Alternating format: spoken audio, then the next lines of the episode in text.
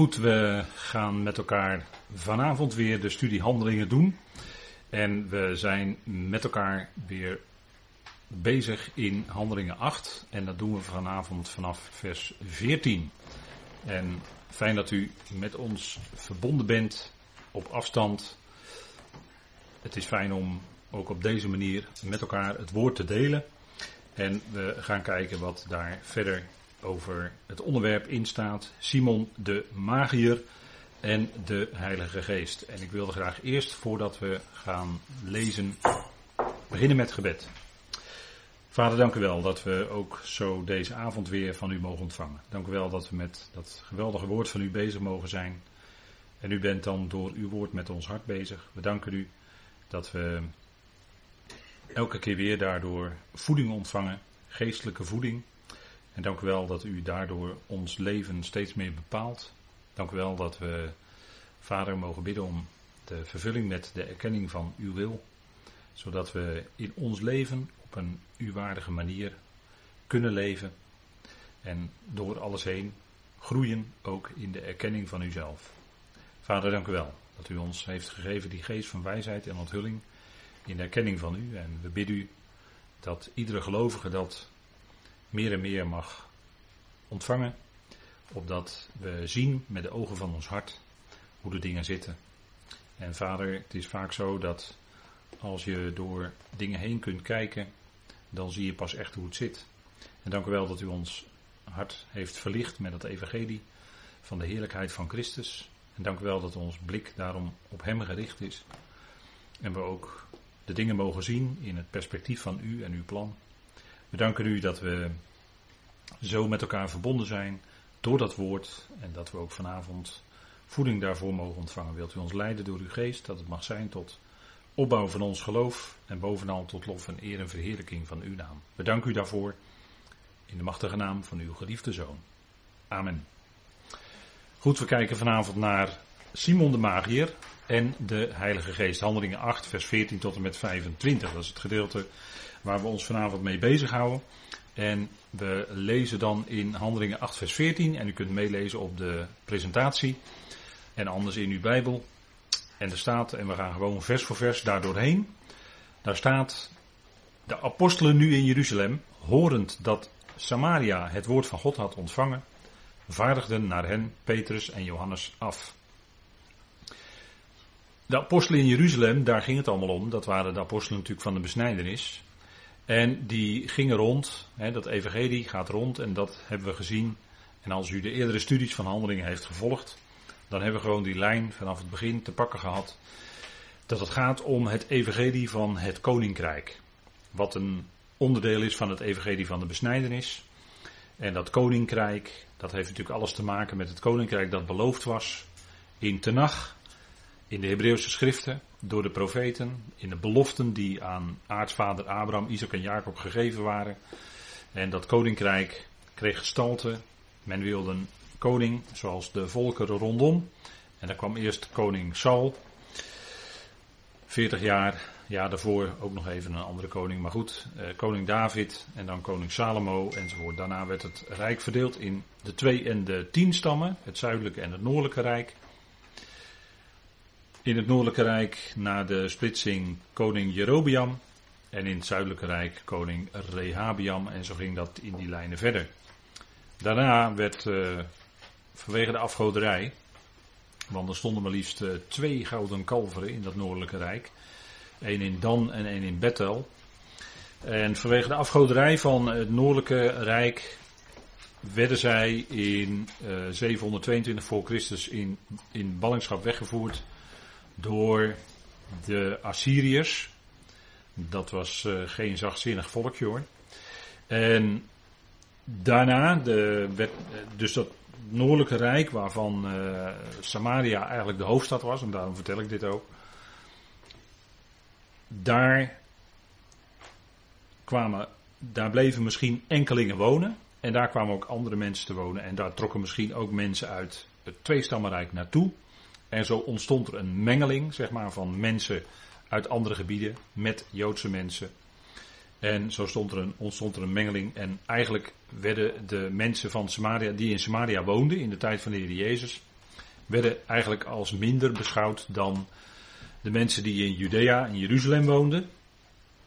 Hoewel die stammen natuurlijk ook weggevoerd waren in Babylonische ballingschap. Dat gebeurde uh, in, in, zeg maar in drie fasen. En uiteindelijk in 586 voor Christus definitief toen koning Zedekia weggevoerd werd.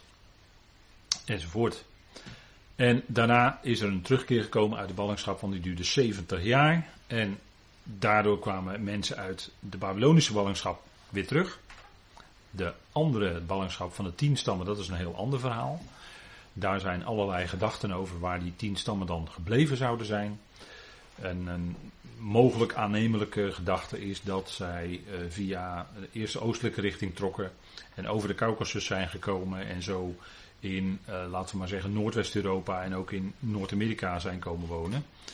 Dat is een, een, een redelijk aannemelijke gedachte, maar je vindt overal op de wereld, ook in India en in China, en vind je sporen terug van Joodse mensen, Joods leven.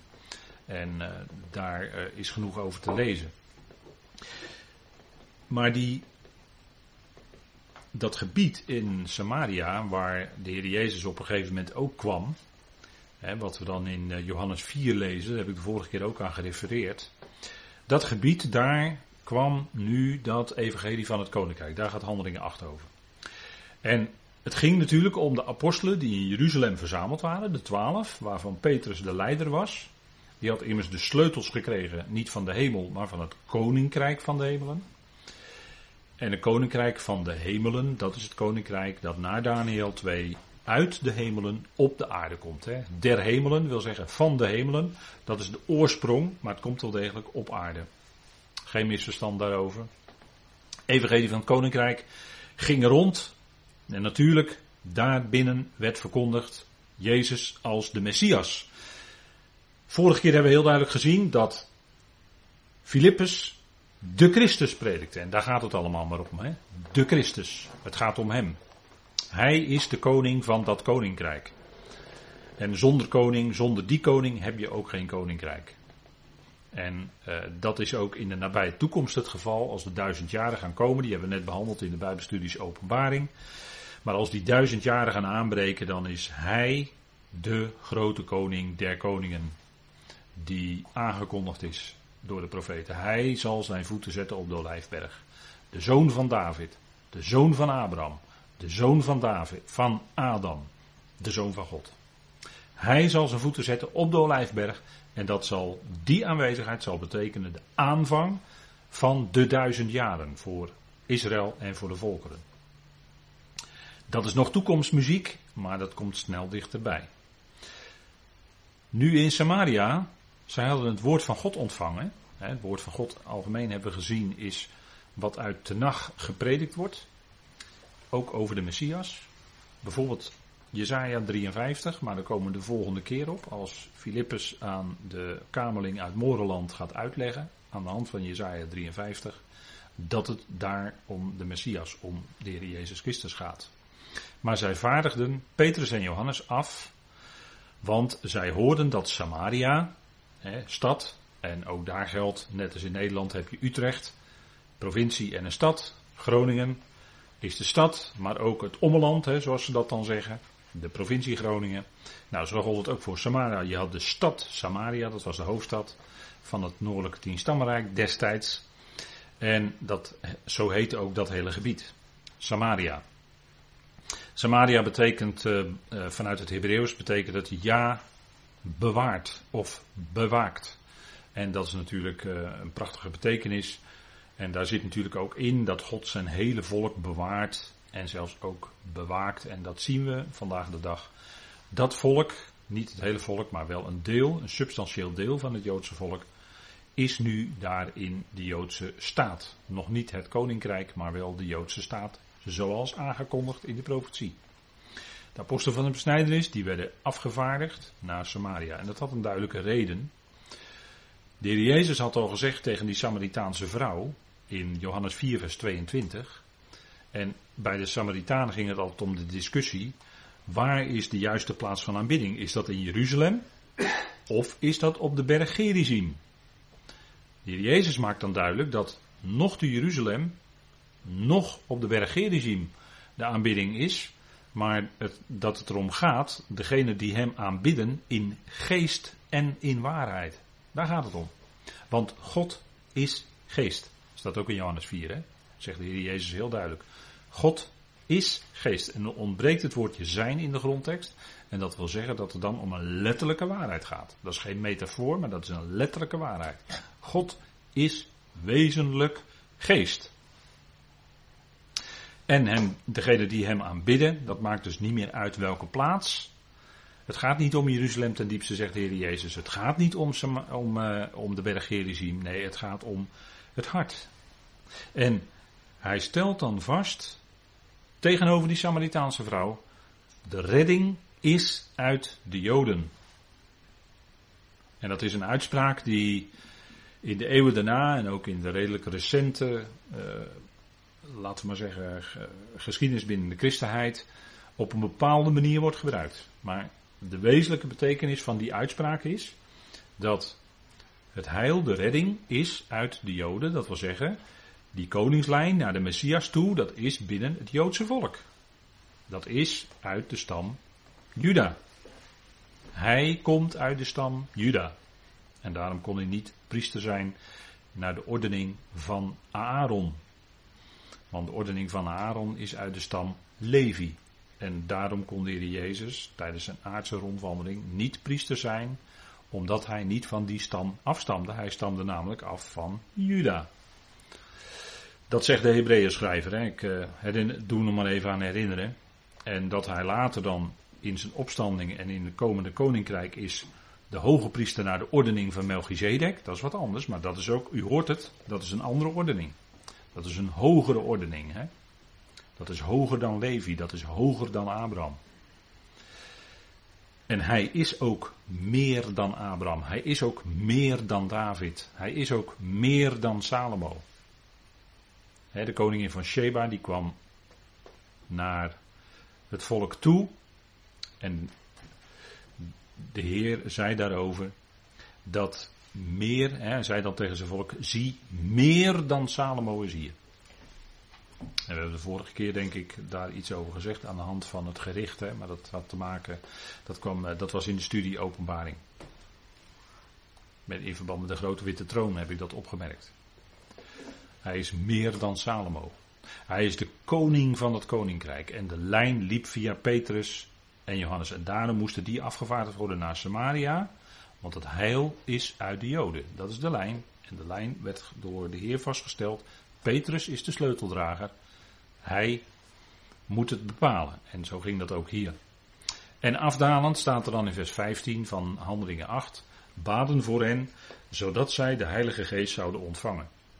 En dan zijn er in de loop van de tijd enorm veel gedachten geweest over het ontvangen van de Heilige Geest. Maar daarover ga ik zo meteen nog wel iets meer uh, zeggen.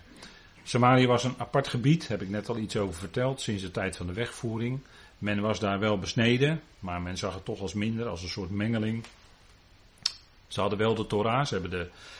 Bekend is misschien wel bij u de Samaritaanse Pentatuig, hè, de Samaritaanse Torah. Dus ze hebben wel de Torah, die erkennen ze wel, maar met die andere boeken lag het wat moeilijker.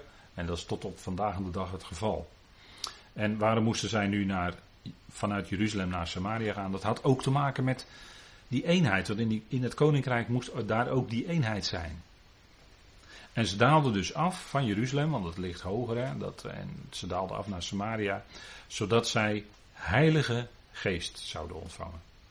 En Heilige Geest, daar wordt diverse keren aan gerefereerd in de schrift, in Tenach niet zo vaak. Bijvoorbeeld in Psalm 51, wat we dan wel zingen. Hè. Uh, maar dat is eigenlijk geen. Uh, als je dat zingt, is het eigenlijk niet, uh, geldt dat eigenlijk niet voor ons. Hè? U kent dat lied wel, hè? Dat, dat er letterlijk gezongen wordt: Neem uw Heilige Geest niet van mij. Nou, ik denk dat, dat wij dat niet kunnen zingen, want wij zijn verzegeld met de Geest. Dus dat blijft altijd bestaan. Nou, waarom moesten die apostelen dan naar Samaria toe gaan? Dat, was, dat had te maken met die autoriteit die aan Petrus en Johannes gegeven was. Dat had te maken met de autoriteit van Jeruzalem. Daar werd de geest uitgestort. Van daaruit zou het uitgaan. En moest er ook eenheid tot stand komen. En dan moest Samaria zich bij aansluiten. En ze moesten erkennen dat dat heil inderdaad uit de Joden is. Dat het gaat om die Messias. En dat het dus niet gaat om hun plaatsgeregime of hun, hun Torah of wat dan ook. Al die dingen zouden door de geest aan de kant gaan. En dat is ook wat de geest doet. Hè. De geest maakt één. Punt is, je kan je de vraag stellen, bidden om de ontvangst van de Heilige Geest. Geldt dat ook nu? Want dat hoor je wel in kringen, en ik heb dat van heel dichtbij meegemaakt. Dat je, als je al tot geloof bent gekomen, dat je dan ook nog uh, zou bidden om de vervulling, of er wordt op verschillende manieren gezegd, hè, om de doop of om de vervulling met Heilige Geest. En als bewijs daarvan, dat verschilt per kring, hoe ver men daarin gaat. Als bewijs daarvan zou je dan kunnen spreken in tongen, of zou je dan bijzondere gaven ontvangen die zich dan manifesteren bij je. Dat soort dingen allemaal. Een bekende figuur was, die ziet u op deze dia ook staan, dat is John Wimber. Misschien kunt u, kunt u die naam wel herinneren, maar die had nogal wat impact ook in evangelisch Nederland, om het zo maar te zeggen. Vandaar dat ik hem even noem. Hij is in 1997 al overleden, maar hij predikte, uh, hij had bijvoorbeeld ook een boek geschreven, Het Koninkrijk van Kracht. En hij predikte dan genezing. Hij predikte dat die zegeningen van het Koninkrijk ook nu voor de gemeente zijn. En uh, nou goed, uh, allerlei gedachten. En hij was uh, tijdens een bepaalde periode was hij zeg maar heel geliefd en heel populair. Hij kwam ook naar Nederland toe voor allerlei conferenties en om daarover te vertellen. En uh, ik heb het maar samengevat met hij was een verkondiger van het Koninkrijksevangelie. En we kunnen dat natuurlijk heel snel tackelen als we zeggen ja, het Koninkrijksevangelie is eigenlijk niet het evangelie dat vandaag zou klinken. Het evangelie van het Koninkrijk heeft alles te maken, waar we vanavond mee begonnen, met het koninkrijk dat over Israël en over de volkeren zou komen. Het aardse koninkrijk. En dat is er nu niet. Nu is er een andere roeping. Is er ook een sprake van een ander evangelie. En op dat gebied van die verschillende evangeliën is ongelooflijk veel verwarring. Maar je blijft uit die verwarring, of je komt niet in verwarring, als je die lijnen van de schrift aanhoudt en zegt van kijk, er zijn twee verschillende evangeliën waarin gelaten twee over gesproken wordt het evangelie van de voorhuid en het evangelie van de besnijdenis. Hou je dat goed uit elkaar? Dan is er geen probleem. Zeg je, het is één evangelie en de apostelen gingen naar twee verschillende doelgroepen. Paulus naar de heidenen en Petrus naar de, naar de besnijdenis. Allemaal met hetzelfde evangelie, dat wordt vaak gedacht. Hè? Maar dan husselen jullie de zaak door elkaar en dan is de verwarring, kan ik u zeggen, eindeloos. Kom je nooit uit. Kan je oeverloos praten over het koninkrijk? Kan je oeverloos praten over het evangelie? Wat is nou precies het evangelie? Kan je oeverloos praten over Paulus en Petrus? Maar je komt er nooit uit. Tenzij, tenzij je die twee lijnen nauwkeurig uit elkaar haalt, zoals de schrift dat ook doet. Dat is heel erg belangrijk. En dan heb je gelijk antwoord op die vraag. Bidden om de om ontvangst van de Heilige Geest geldt dat ook voor nu? We gaan zien wat het antwoord op die vraag is. Want het lijkt natuurlijk heel bijbels en heel mooi om te bidden om de vervulling met de Heilige Geest. En dan kun je er zo, kun je er zo bij zeggen, als je wat van de Bijbel weet. Ja, maar Paulus zegt dat toch ook in Efeze 5? We gaan even we gaan, we gaan kijken wat, wat, wat het te betekenen heeft. Hè? Kijk, ze baden dat ze ont, uh, Heilige Geest mochten ontvangen. En wat staat er dan in vers 16 van Handelingen 8? Want tot nu toe was niet op iemand van hen, was die, dus die Heilige Geest, niet op iemand van hen gevallen.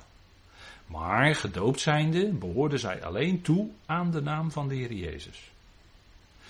Het punt is, die Heilige Geest die werkte daar wel, want zij aanvaarden de Heer Jezus Christus. En dat kun je alleen maar doen als de Heilige Geest op een of andere manier in jou werkt en jou dat duidelijk maakt. Maar vervolgens waren zij naar de lijnen van het Koninkrijksevangelie in water gedoopt. Vandaar heb ik dit plaatje er ook erbij gezet. Men werd in water gedoopt. En toch, ondanks dat ze in water gedoopt waren, ze geloofden in de Heer Jezus. En toch staat er, die Heilige Geest was nog niet op hen gevallen. Want hoe kun je dat zien, dat die Heilige Geest dan daadwerkelijk op hen gevallen is? Dat zag je wel op de Pinksterdag gebeuren en dat zie je later ook. als teken daarvan konden de mensen dan spreken in vreemde talen. In Handelingen 2 was dat zo. De Heilige Geest die viel op hen. En ze konden spreken in vreemde talen. En ze konden al die mensen die daar verzameld waren, uit al die volkeren die daar waren, ter, ter gelegenheid van Shavuot, hè, van het wekenfeest. Die konden allemaal in hun eigen dialect of in hun eigen taal konden ze de, de apostelen en de discipelen horen spreken. Waarom? Door Heilige Geest bewerkt. Ze waren in water gedoopt en hier gaat het dan om die gelovigen in Samaria, die waren in water gedoopt. En hier staat dan ook bij, zij behoorden alleen toe aan de naam van de Heer Jezus. Het punt is, wat doet dopen in het algemeen? Hè? Als we even algemeen over dopen hebben, wat doet dopen in water? Dat brengt, dat is een symbool van reiniging. Want water reinigt alleen ons vlees aan de buitenkant. Je wast je elke dag, je wast je handen elke dag. Dat is reiniging van het vlees aan de buitenkant.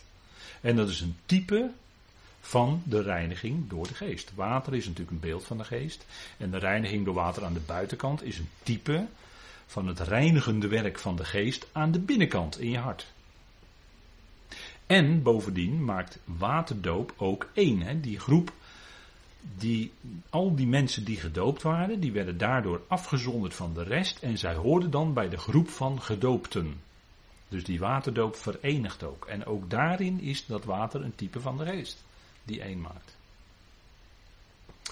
Zo had je in Johannes, had je Johannes de Doper natuurlijk, die doopte, de naam zegt het al, hè? hij doopte in water. En de Heer Jezus doopte zelf ook. En die doop, die daar beschreven wordt hè, in, uh, in uh, Johannes 2 en 3, ik meen in Johannes 2 als ik het goed heb, uh, die doop die verenigde dan in of aan de naam van de Heer Jezus. En die groep die dan gedoopt was, die was daarin één. Ze waren allemaal gedoopt en ze hoorden daardoor bij die groep. Maar die Heilige Geest was niet op hen gevallen. Er was geen sprake van spreken in tongen. Er was geen sprake van uh, genezingen of uh, vuur of wat dan ook.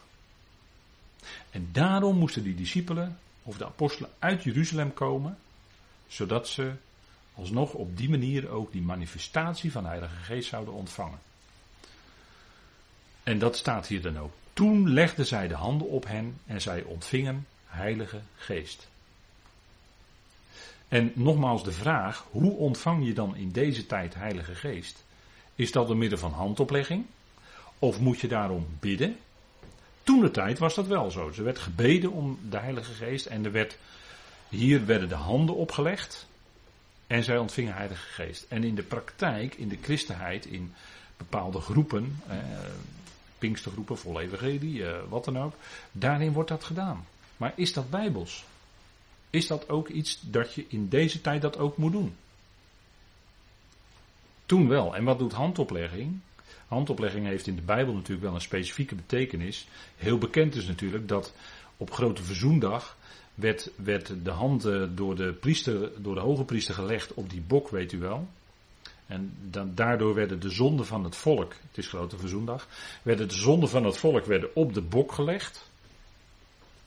En die bok, die werd dan tot zondebok. Uh, wij kennen dat dan, hè, tot, uh, wij kennen dan het begrip zondebok. En had je natuurlijk de bok Azazel. Hè, er ging één bok die werd geslacht. En de andere bok die mocht vrij uit de woestijn in. Beeld, prachtig beeld van dood en opstanding.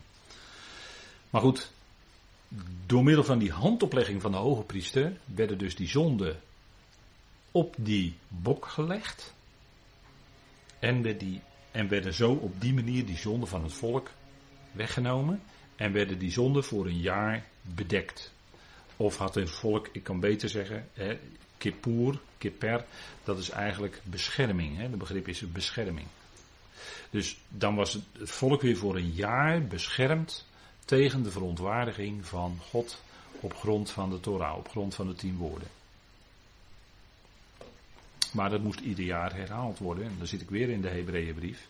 En daarin kon je zien dat het bloed van stieren en bokken niet definitief was, maar dat het tijdelijk was tot het definitieve. Ze legden de hand op.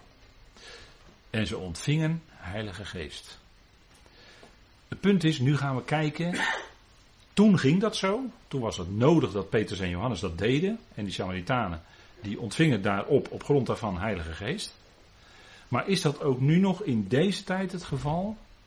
Dat, die, dat door middel van handoplegging of door middel van het gebed om de geest, dat je dan Heilige Geest ontvangt. Allereerst gaan we kijken naar het punt van die waterdoop, waarvan ik zei, dat maakte hen één als groep. En wat maakt nou één in deze tijd? Nou, daar geeft 1 Korinthe 12, vers 13 het fundamentele antwoord op. Want Paulus zegt daar, want in één geest, let op, hè, je moet altijd kijken als er gesproken wordt over dopen, moet je altijd kijken naar het element waarin gedoopt wordt. In de Bijbel worden verschillende elementen genoemd. Bijvoorbeeld in 1 Korinthe 10 noemt Paulus dat zij gedoopt werden in de wolk en in de zee. En bij gelegenheid werd er ook gedoopt natuurlijk in water. Dat is het waar, waar het meestal, hè, bapto, dat betekent uh, waarvan de baptisten hun naam hebben. Bapto betekent daadwerkelijk onderdompelen. Dat is dopen en dat gebeurt over het algemeen in water. Maar het kan dus ook in andere vloeistoffen of elementen gebeuren. En hier wordt het element genoemd geest. Want in één geest ook worden wij allen naar binnen één lichaam gedoopt. Het zij Joden, het zij Grieken, het zij slaven, het zij vrijen en allen worden met één geest gedrenkt. Dus hoe word je lid van het lichaam van Christus? Dat is door de geestesdoop. Dat is op het moment dat je dat wordt bevestigd aan je. Uh, ja, en, en, dat is niet iets met voorwaarden. Dat is wat God aan je doet. En het element waarin je gedoopt wordt is dus niet water. Dus niet waterdoop is een voorwaarde. Nee, je wordt in één geest naar binnen één lichaam gedoopt.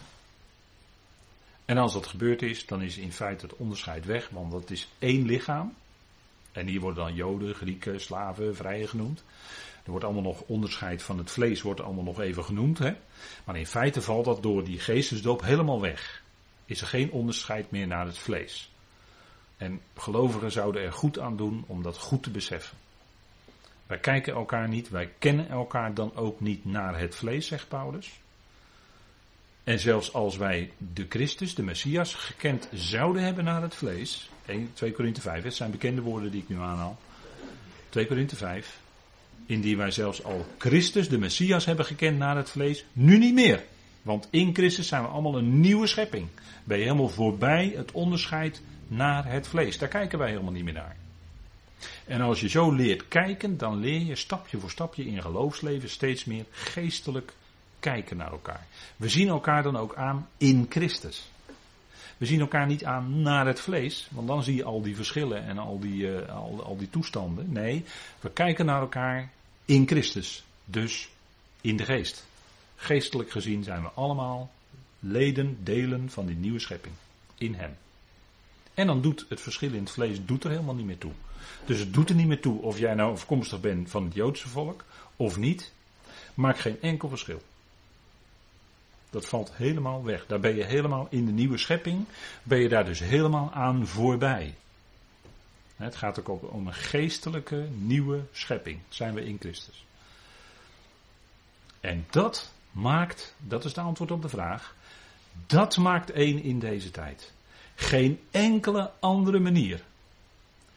Dus geen menselijke organisatie, geen menselijk streven, maar alleen het gedoopt zijn in die ene geest maakt één en vanaf dat moment ben je één met alle gelovigen. En dus welk onderscheid dan ook, want organisatie is ook weer iets van het vlees. Dat is zichtbaar. Maar dat doet er niet toe. Het gaat, dat we, het gaat erom dat we beseffen dat we verbonden zijn met al die leden wereldwijd van het lichaam van Christus. En ik ben er heel blij mee dat Hij dat bepaalt en niet wij. Dat is het punt. Hij roept uit. God bepaalt het. En ieder die geroepen is, die is tevoren gekend en tevoren bestemd. En die is dan ook geroepen en gerechtvaardigd. En wordt al verheerlijkt, want die heerlijkheid die zit dan al van binnen. En in de toekomst gaan we dat ook aan den lijve ondervinden. Wie? Alle leden van het lichaam van Christus. Dat is dus onafhankelijk van je gedrag. Dat is volledig in genade. Daar leven wij in. We zijn gered in genade en door genade en wij leven ook in genade. En het moment van de bazuin is ook een genademoment. Dan zijn alle leden daarbij, niemand uitgezonderd. Kijk, dat is genade. En dat is ook een bevestiging van die geweldige eenheid van de geest. En dat is wat 1 Korinthe, daarom zei ik er net, het is fundamenteel. 1 Korinthe 12 vers 13. Daar gaan we vanuit. Dat is de basis. En niets anders dan dat. En hoe ontvang je de Heilige Geest? Antwoord op de vraag. Is dat dat je erom gaat bidden? Is dat dat er voor je gebeden wordt? Of is dat door handoplegging? Alle drie vragen is een duidelijk nee het juiste antwoord. Want in, 1, in Efeze 1 vers 13 staat op deze slide, staat het antwoord, in hem ook zijn jullie, horend het woord van de waarheid, het evangelie van jullie redding, in hem ook gelovend, verzegeld met de geest van de belofte, de heilige. Dat is het antwoord op de vraag. Hoe ontvang je deze tijd Heilige Geest? Je hoort het woord, je gelooft het, dat is ook iets wat de geest in je doet. En op hetzelfde moment word je verzegeld en ook gedoopt in de Heilige Geest. Dat gebeurt allemaal op, op dat, dat je wordt eerst geloofd. En daar voel je niks van.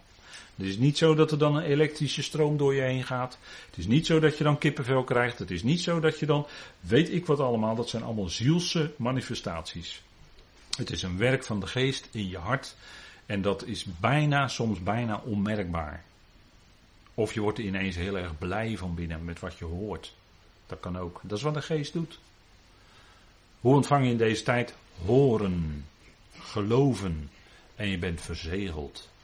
Dus handoplegging? Nee. Bidden om de Heilige Geest? Evenmin. Het is horen, dat woord van de waarheid, het evangelie van jullie redding. Wat hoor je dan? Dan hoor je de waarheid. Wat hoor je dan?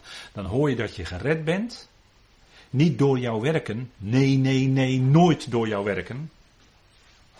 Maar door de genade. En hoe, hoe kan het genade zijn? Doordat Hij, onze Heer Jezus Christus, onze geliefde Heer, alles voor ons heeft gedaan. Hij is gestorven aan het kruis. Voor al onze zonden. En daarin zijn wij gerechtvaardigd. In zijn bloed. We zijn gerechtvaardigd om niet in zijn genade door de vrijkoping, niet in jouw eigen werken, nee, de vrijkoping in Christus Jezus. Dat is het evangelie van onze redding. En hij werd opgewekt op de derde dag als bezegeling, als teken van het feit dat we gerechtvaardigd zijn. Dat het werk gedaan is.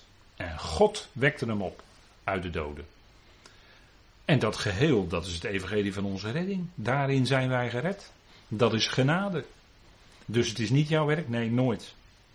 En word je daar blij van? Ja, ik wel in ieder geval. En ik denk u ook. Ik denk u ook. U die dit hoort, daar ben ik bijna zeker van dat u daar ook blij van wordt. Elke keer als u het hoort, dan ben je daar blij en dankbaar mee. Want niet jij, nee, hij heeft het gedaan. En dat is geweldig. En dat is genade. En daar kun je dan ook op leven. Daar kun je uit leven. Het is één en al genade. Ja, maar er staat toch ook in Efeze 2 dat God tevoren die werken. Ja, God heeft tevoren die werken gereed gemaakt. Opdat wij daarin wandelen. En dat wandelen is ook genade. Dus, heb je iets van jezelf? Nee. Blijft er dan iets van jezelf over? Nee, want je bent samen met Christus mede gekruisigd. En dan is het niet meer ik, dus niet meer dat oude ik, hè, zeggen we dan. Het is niet meer ikkie, maar het is hij. Dat is je nieuwe identiteit. Niet meer ik, maar Christus leeft in mij. Daar gaat het om.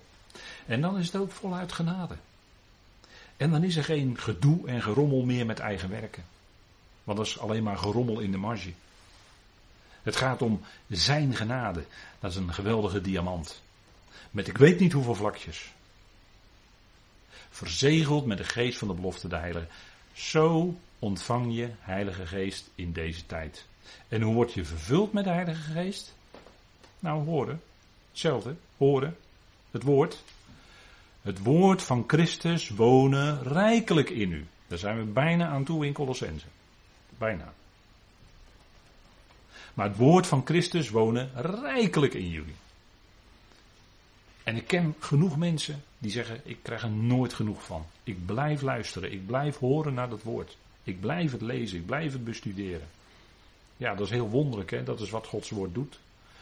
Altijd weer bemoedigt het je. En geeft het weer nieuwe vreugde, geeft het weer nieuwe kracht. En zegt Jezaja niet, zij die de Heer verwachten, putten nieuwe kracht. Een geweldige tekst is dat, hè? Als je de Heer verwacht, dan heb je ook vandaag en morgen, en ook vannacht, nieuwe kracht. Want je verwacht het van Hem, je verwacht het niet langer van jezelf. En dat geeft een heerlijk ontspannen leven. Het gaat niet meer om jou, het gaat om Hem. En we kunnen daar niet genoeg voor danken, denk ik. dat is natuurlijk een geweldig eh, aspect van, uh, van het evangelie. Nou, we gaan verder in uh, Handelingen 8. En er staat Simon echter zag, vers 18, dat door het opleggen van de handen van de apostelen de geest gegeven werd en bracht geld naar hen toe. Kijk, die Simon die was wel gaan geloven, maar ja, die, uh, ja, dat zal wel heel snel zijn als die uh, helemaal dat kon omarmen en, en oude dingen los kon laten. Dat kon, kon hij kennelijk niet, want hij kwam met geld aan. Hij bracht geld naar naartoe. En hij meende, wat Paulus ook later zegt, en wat later ook in, um, in toch wel in, de, in het christendom, laat ik het maar heel groot zeggen, uh, is, is gemeengoed geworden. Dat uh, wat Paulus zegt in 1 Timotheus 6 vers 5, en daar zegt hij het heel scherp. Geld. De geest, hè, de geest, de geest kunnen ontvangen en daarmee ook uh, de gaven kunnen doorgeven. Want dat had Simon natuurlijk op het oog. Hè, van als ik nou ook die kracht krijg, dan kan ik die gaven, dan kan ik ook andere mensen handen opleggen. Dan heb ik ook, en dan kan ik daar natuurlijk ook, kan ik daar ook wel wat wijzer van worden. En had de Heer Jezus niet gezegd toen hij, want de Heer Jezus kon best wel, kon best wel verontwaardigd zijn. Die kon best flink verontwaardigd zijn. En u weet wel natuurlijk die bekende Johannes 2. En er staat ook in andere uh, dat hij de tafels van de wisselaars omkeerde op het tempelplein. En, en, want daar werd natuurlijk ook allerlei handel van gemaakt. Hè. Daar brachten ze, konden ze dieren kopen, duif als je wat minder bedeeld was. En een wat groter beest als je wat meer geld had. En, geldwisselaars zaten daar natuurlijk, die, die konden er ook aan verdiend Daar kon je ook aan verdienen. En dat kan vandaag ook nog steeds. Geld, uh, verschillende, kan je ook nog flink geld aan verdienen. Maar dat gebeurde toen op het Tempelplein. En toen uh, zei de Heer Jezus iets dat, uh, dat, dat het huis van zijn vader niet tot een koophuis zou worden. Dat is een bekende vleugelde, gevleugelde uitdrukking geworden. Maar zo is het wel natuurlijk. Hè? Kijk, je kan, uh, je kan het evangelie niet misbruiken om daar zelf rijk van te worden. Dat, dat, dat verschijnsel kennen we wel in het zogenaamde welvaartsevangelie. Maar dat is geen evangelie natuurlijk. Hè? Dat belooft je, als jij maar gelooft en uh, meegaat met de evangelie, dat je daar zelf flink wijzer van wordt. Nou, dat word je niet hoor. Ja, je wordt er misschien wel materieel rijk van, maar meestal leidt dat heel erg af. En het punt is dat uh, Paulus dat in zijn dagen ook al constateerde. En hij zegt dan ook in 1 Timotheus 6 vers 5, ook een tekst die ik op deze dia heb aangehaald. Dan zegt, heeft hij het over geld en dat zegt hij dan ook tegen Timotheus. Hè, die waarschuwt hij in die brief tegen allerlei dingen. Een van de eerste dingen in die eerste Timotheusbrief is dat, uh, dat, uh, dat Timotheus moest anderen aanzeggen geen andere leer te leren. Dat is het eerste wat Paulus zegt hè, in het eerste hoofdstuk tegen Timotheus. Het allereerste wat hij tegen Timotheus zegt, dat hij moest aanzeggen aan anderen om geen andere leer te leren. En dat had te maken met de wet. De wet. Want in enkele versen verder zegt hij, lees je dat hoofdstuk maar na. 1 Timotheus 1, dan zegt hij, zij willen leraars van de wet zijn, maar ze weten niet eens wat zij zeggen en waarover zij zo stellig spreken. Dat is, dat is een hele rake uitspraak hè, van Paulus. En eigenlijk best wel hard. Maar hij zegt er dan ook tegen zijn opvolger Timotheus, die goed zou opletten als leraar wat er zo al geleerd wordt. En uh, dat, is, dat is denk ik ook heel belangrijk. En daarom benadrukken we regelmatig uh, de genade van God. Want kijk, de wet kun je in deze tijd niet prediken. Dan zit je ernaast. En daar is Paulus heel stellig in. En ook heel fel in, in de gelaten brief. Hebben we met elkaar besproken.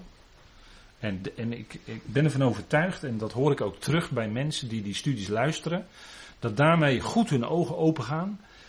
Uh, als het gaat om die verschillende lijnen tussen wet en genade.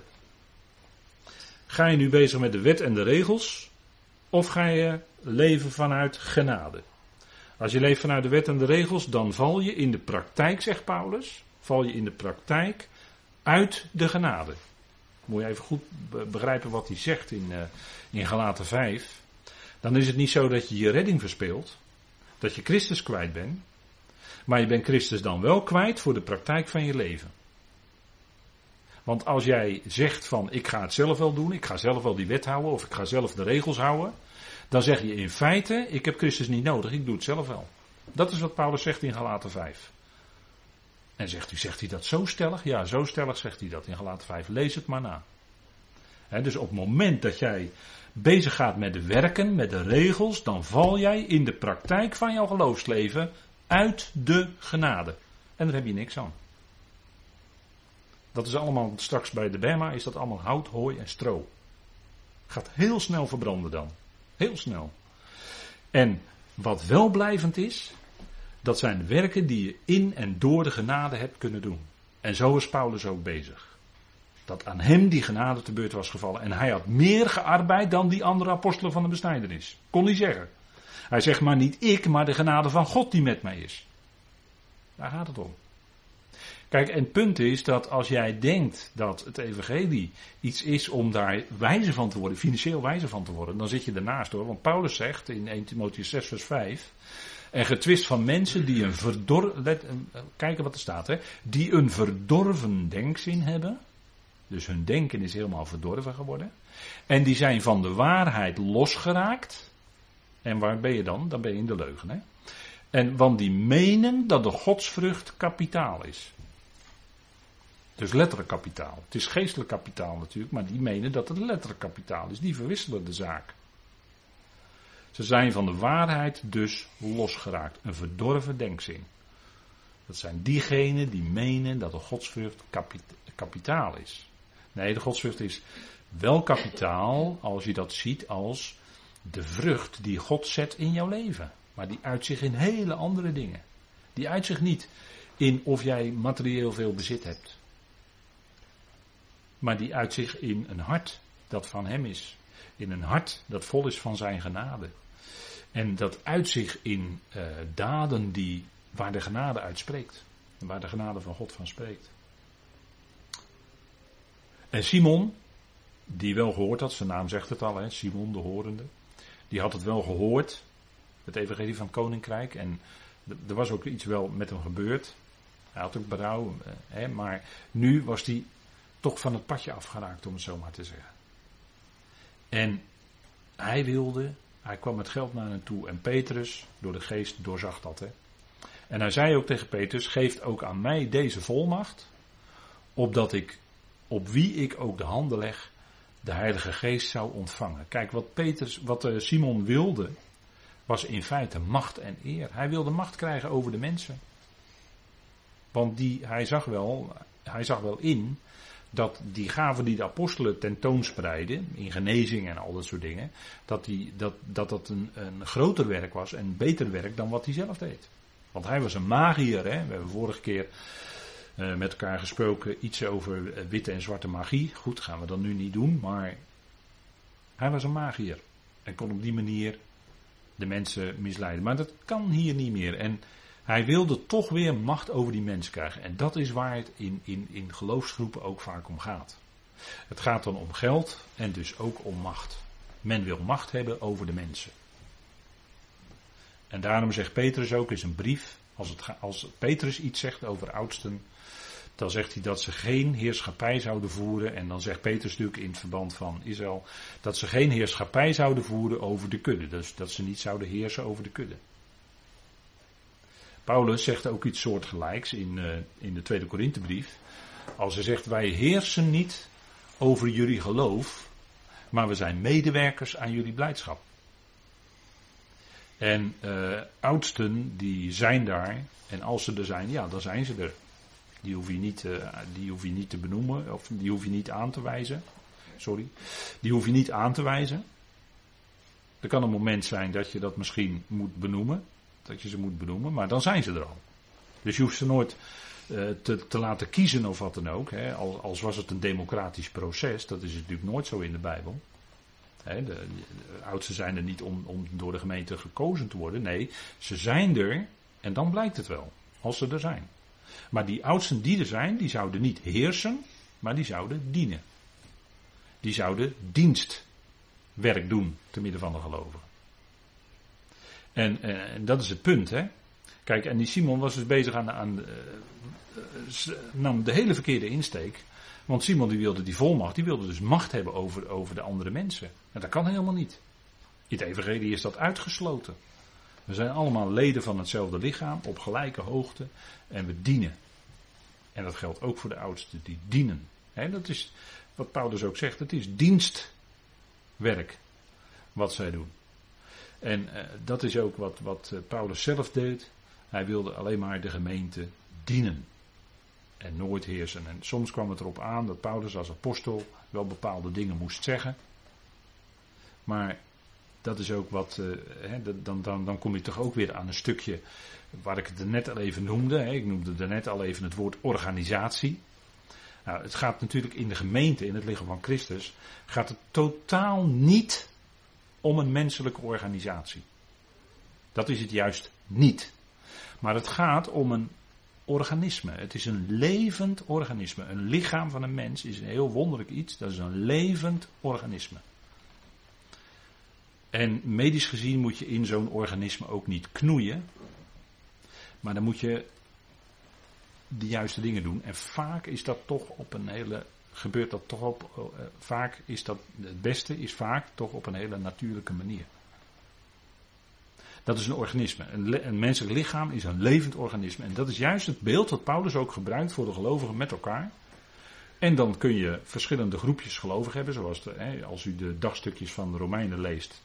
Dan, dan hebben we daar al iets, van, iets over opgemerkt. Zoals het in Rome ook. Er kwamen in verschillende huizen kwamen groepjes gelovigen bij elkaar. Nou, zo functioneerde dat. En er was dus niet één centrale organisatie van waaruit alles bepaald werd. Nee, er waren gewoon verschillende groepen. En aan de hand van het woord werd daar gewerkt. En wat zegt het woord? En dat werd toegepast. En, uh, dus het gaat helemaal niet om menselijke structuren, menselijke organisaties, zoals je dat binnen kerken hebt en binnen allerlei groepen. Hè. Dan zie je na verloop van tijd begint soms heel goed, maar na verloop van tijd wordt alles geïnstitutionaliseerd, wordt alles geformaliseerd, wordt alles vastgelegd in regels. En worden, worden de besturen enzovoort, hè, kerkelijke besturen, kerkenraden enzovoort worden aangesteld. En dat is allemaal echt heel ver verwijderd van datgene wat de schrift, de brieven van Paulus, daarover zegt. Want dan zie je in de praktijk eigenlijk altijd gebeuren dat er een verstarring plaatsvindt. Ik wil niet zeggen verstening, maar wel verstarring plaatsvindt. Dat het verstarde structuren wordt.